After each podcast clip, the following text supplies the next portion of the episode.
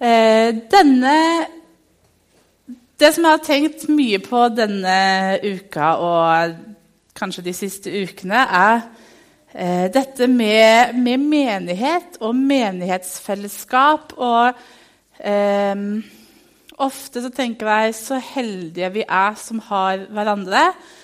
Eh, noen ganger må jeg innrømme så tenker jeg at skulle ønske vi slapp.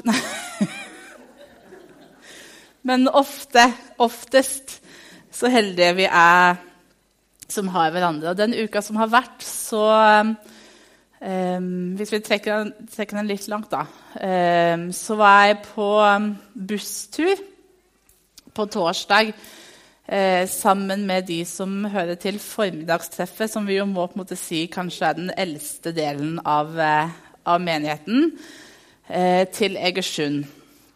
Så tenker jeg Så fantastisk det er å få lov til å være sammen med de og med dere eh, faktisk som sitter der. Eh, som har levd et langt liv sammen med Jesus. Mye lengre enn jeg har levd, og egentlig lenger enn foreldrene mine har levd.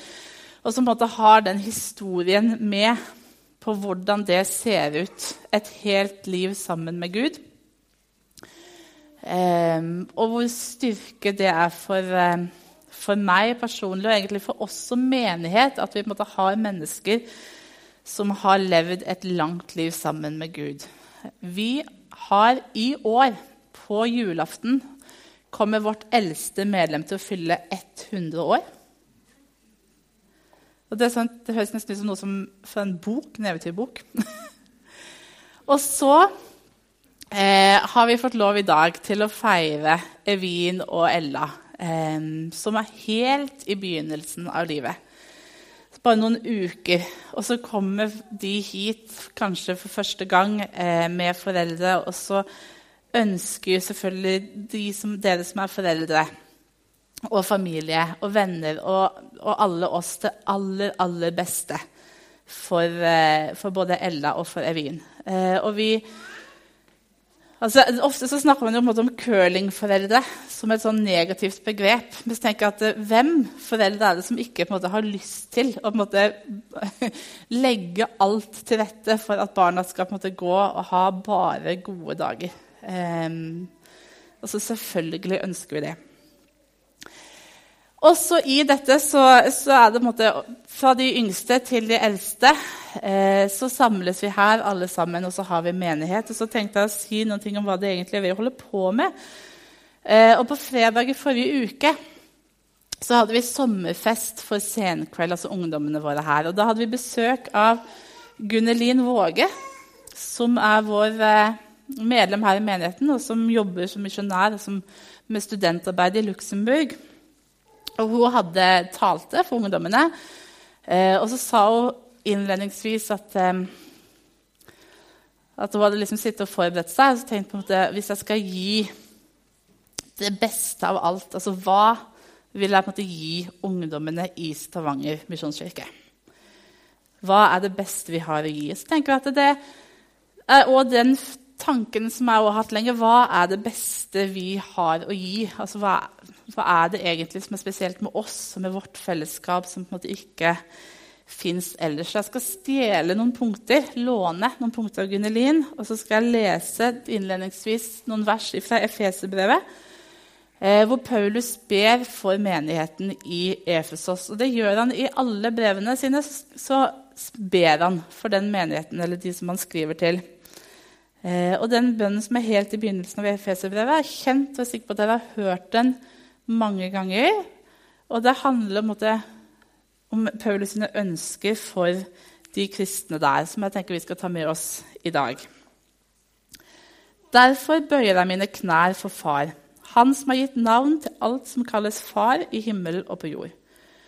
Må Han som er så rik på herlighet, gi deres indre mennesker kraft og styrke ved sin ånd må Kristus ved troen bo i deres hjerter, og dere står rotfestet og grunnfestet i kjærlighet. Må dere sammen med alle de hellige bli i stand til å fatte bredden og lengden, høyden og dybden. Jeg kjenner Kristi kjærlighet som overgår all kunnskap. Må dere bli fylt av hele Guds fylde. Han som virker i oss med sin kraft, og kan gjøre uendelig mye mer enn det vi ber om og forstår. Så begynner Gunnelin denne talen sin til ungdommene, det beste som vi kan gi. På samme måte som jeg har tenkt å si nå, med å si at Jesus liker deg. Det går litt bedre å si hvis man er født i Stavanger, men Jesus liker deg. Gud elsker deg. Og Gud elsker deg mye mer eh, enn det du kan fatte og begripe og forstå. Og tenk for et utgangspunkt å ha i begynnelsen av livet eller slutten av livet, eller på en måte i den hverdagen der vi er, at det, Gud elsker meg.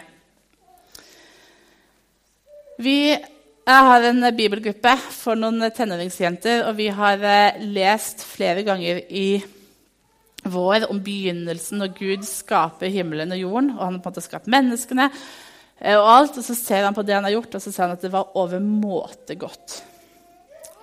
Og så har vi sett Ella i byen her framme i dag, og så er det på en måte, skjønner vi det når vi ser nyfødte små barn, at det er overmåte godt. Det blir ikke bedre.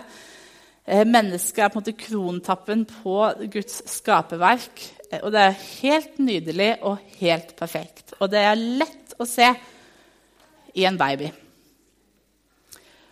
Og så vet vi at etter hvert som vi blir eldre, vi opplever at livet ikke alltid er som det, vi trodde det skulle være, eller det ikke alltid går som vi ønsket at det skulle være, opplever at vi ikke alltid oppfører oss som vi tenker at vi burde. Um, at livet går litt i knas. Eh, vi opplever kanskje sykdom, eh, tap, sorg og smerte. Og vi opplever òg at vi kommer til kort.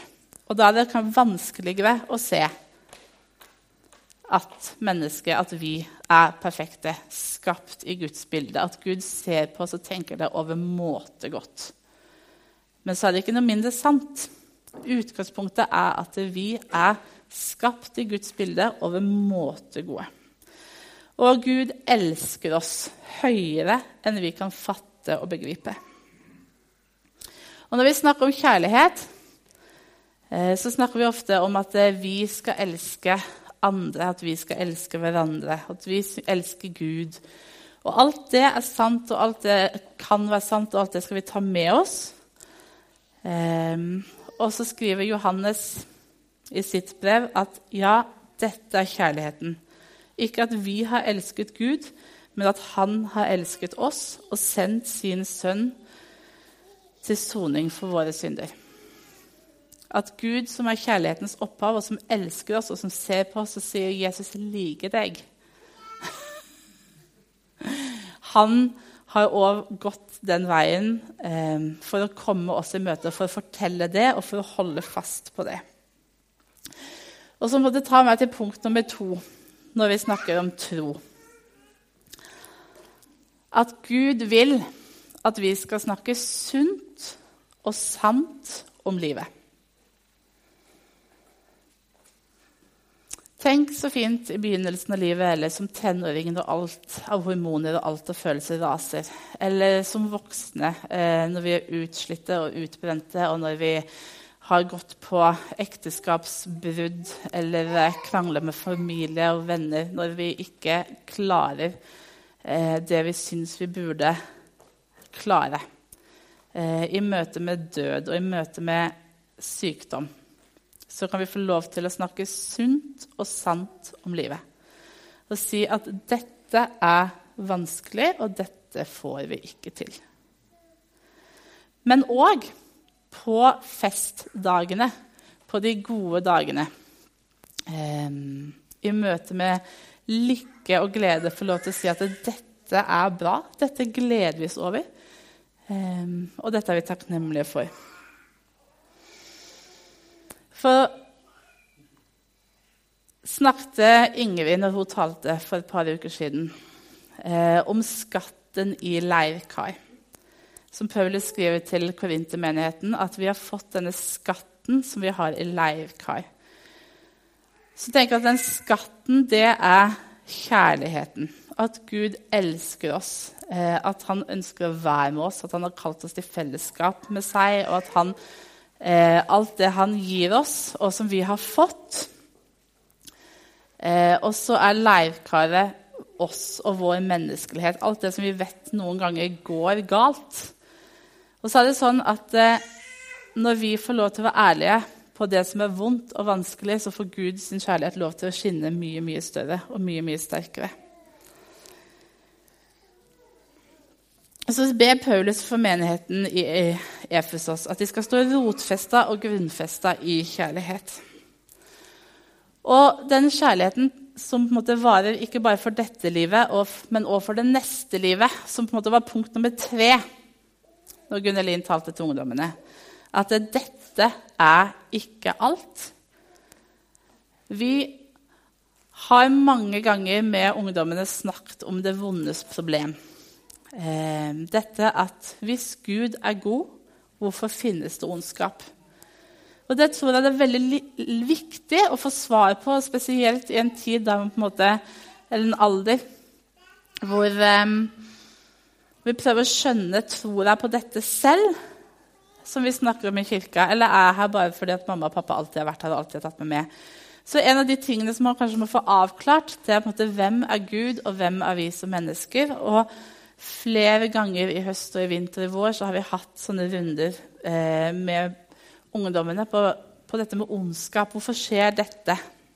Hvordan kan ting være så vondt og vanskelig hvis Gud virkelig er god? Og så kan man si mye om det. Eh, og har, tenker Ofte så snakker vi om den frie viljen. At måte, hvis vi skal, Gud har gitt oss fri vilje, så kan han ikke samtidig overstyre oss sånn at vi på en måte velger rett, men får lov til eh, å velge det gale alternativet. For hvis ikke så hadde vi ikke fri vilje. Eh, og så er det svaret, altså en del av svaret, og samtidig så er det ikke alltid at det hjelper, eller det gir ikke trøst, på en måte. Eh, men så tenker jeg at det vi kan få lov til å ta med oss inn når vi opplever at ting er vondt og vanskelig, eller i møte med det som er ondt og vondt i verden, eh, er at Gud har sagt at dette er ikke alt. Um, Guds kjærlighet til det overmåte perfekte skaperverket som han satte i gang, eh, den varer for dette livet og for det neste. Gud har lovt at han skal gjøre ting nye. Eh, at vi som er kristne, kan få lov til å møte verden med en forventning om at Gud ønsker eh, å bruke alt til det beste for oss som tror på Han.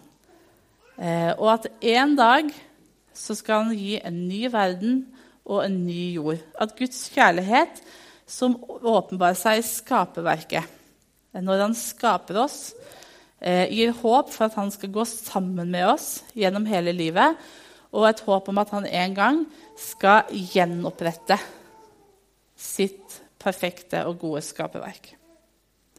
Så det fins et håp som gjør at jeg kan stå rotfesta og grunnfesta i det håpet om det som en gang skal komme, i møte med det som nå oppleves vondt og vanskelig. Og så har Gud kalt oss til å være med og gjøre en forskjell. Og det er stort. At han som er universets herre, han velger å ta med oss på å gjøre en forskjell.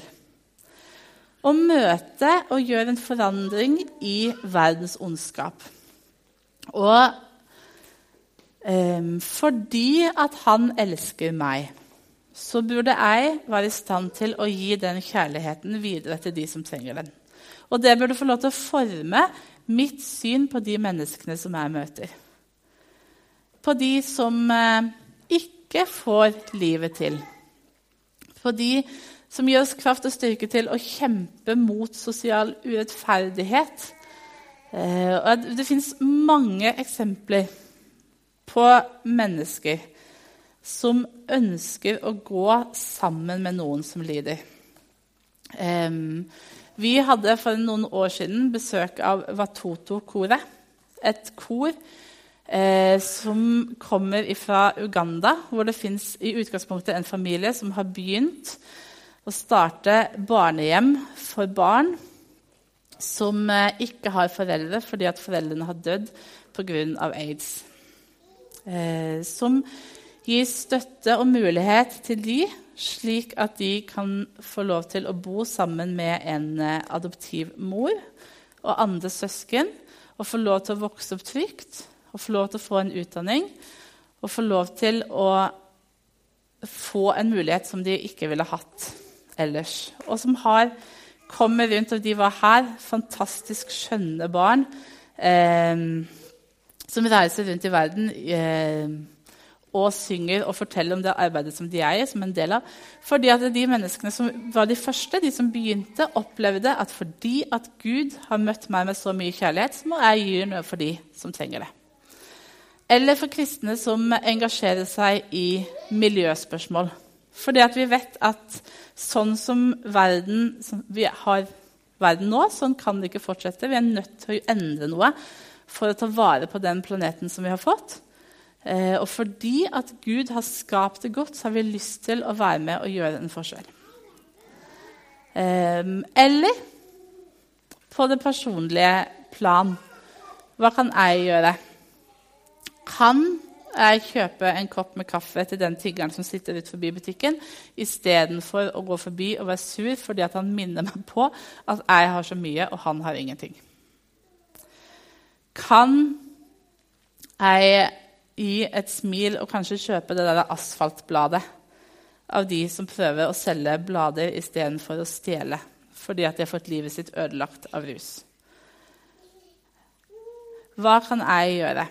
Jeg husker jeg sa det en gang på, eh, på formiddagstreff i en tale for lenge siden, at man kan be om at eh, gresset til naboen skal bli kortere, men det er mye mer effektivt å gå bort og klippe det. Um, så hva kan jeg gjøre praktisk for å møte de behovene som er rundt meg? Det har vi blitt kalt til som kirke, å gi en respons til Gud og den kjærligheten som han har møtt oss med, ikke bare overfor han, men overfor verden. Og så, til slutt Gjør det sammen, som Paulus skriver. Må dere sammen med alle de hellige bli i stand til å fatte bredden og lengden, høyden og dybden. Vi er ikke kalt til å gjøre det her aleine. Å være kristen er ikke et soloprosjekt. Vi får lov til å være sammen med en menighet, vi får lov til å være i et fellesskap som heier på oss, og som støtter for oss, som ber for oss, og som eh, trøster oss når vi trenger det, og som ler med oss når vi trenger det. Eh, ansvaret er vårt, det er ikke mitt. Og Da kan jeg få hvile i det at uh, noen ganger så er jeg den sterke som har mye å gi og mye å komme med inn i vårt fellesskap. Og andre ganger så kan jeg være den svake som får oppleve at det er andre som er sterke, og som hjelper og bærer meg. Og så kan vi få lov til å heie på hverandre og be for hverandre og oppmuntre hverandre og formane hverandre og hjelpe hverandre til å huske på og leve i at for det første Jesus liker deg. Og vi kan få lov til å tale sant og sunt om livet og ha en forventning om at det kommer noe mer. Dette er ikke alt. Og så kan vi få lov til å være kalt til å gjøre en forskjell, og ikke alene, men sammen. Som menighet og som Jesus sin kropp. Og så kan det virke overveldende og skummelt, og så kan man tenke at det er så mye. Og jeg sitter jo bare her og tenker mitt. Og så tenker jeg at det kan noen ganger være greit. Eh, og så står det til slutt i vers 20 at han som virker i oss med sin kraft og kan gjøre uendelig mye mer enn vi ber om å forstå. Fordi at det er Gud sitt prosjekt. Det er Guds prosjekt å vise oss kjærlighet, og det er Guds prosjekt å bygge sin menighet. Og det er Guds prosjekt å vise kjærlighet til de som omgir oss. Og så inviterer han oss til å være med. Eh, og så kan vi få lov til å stole på at det er han som gjør det, og vi som går sammen med han, og ikke vi som skal gjøre det og liksom rope på han og invitere han med. Skal vi be.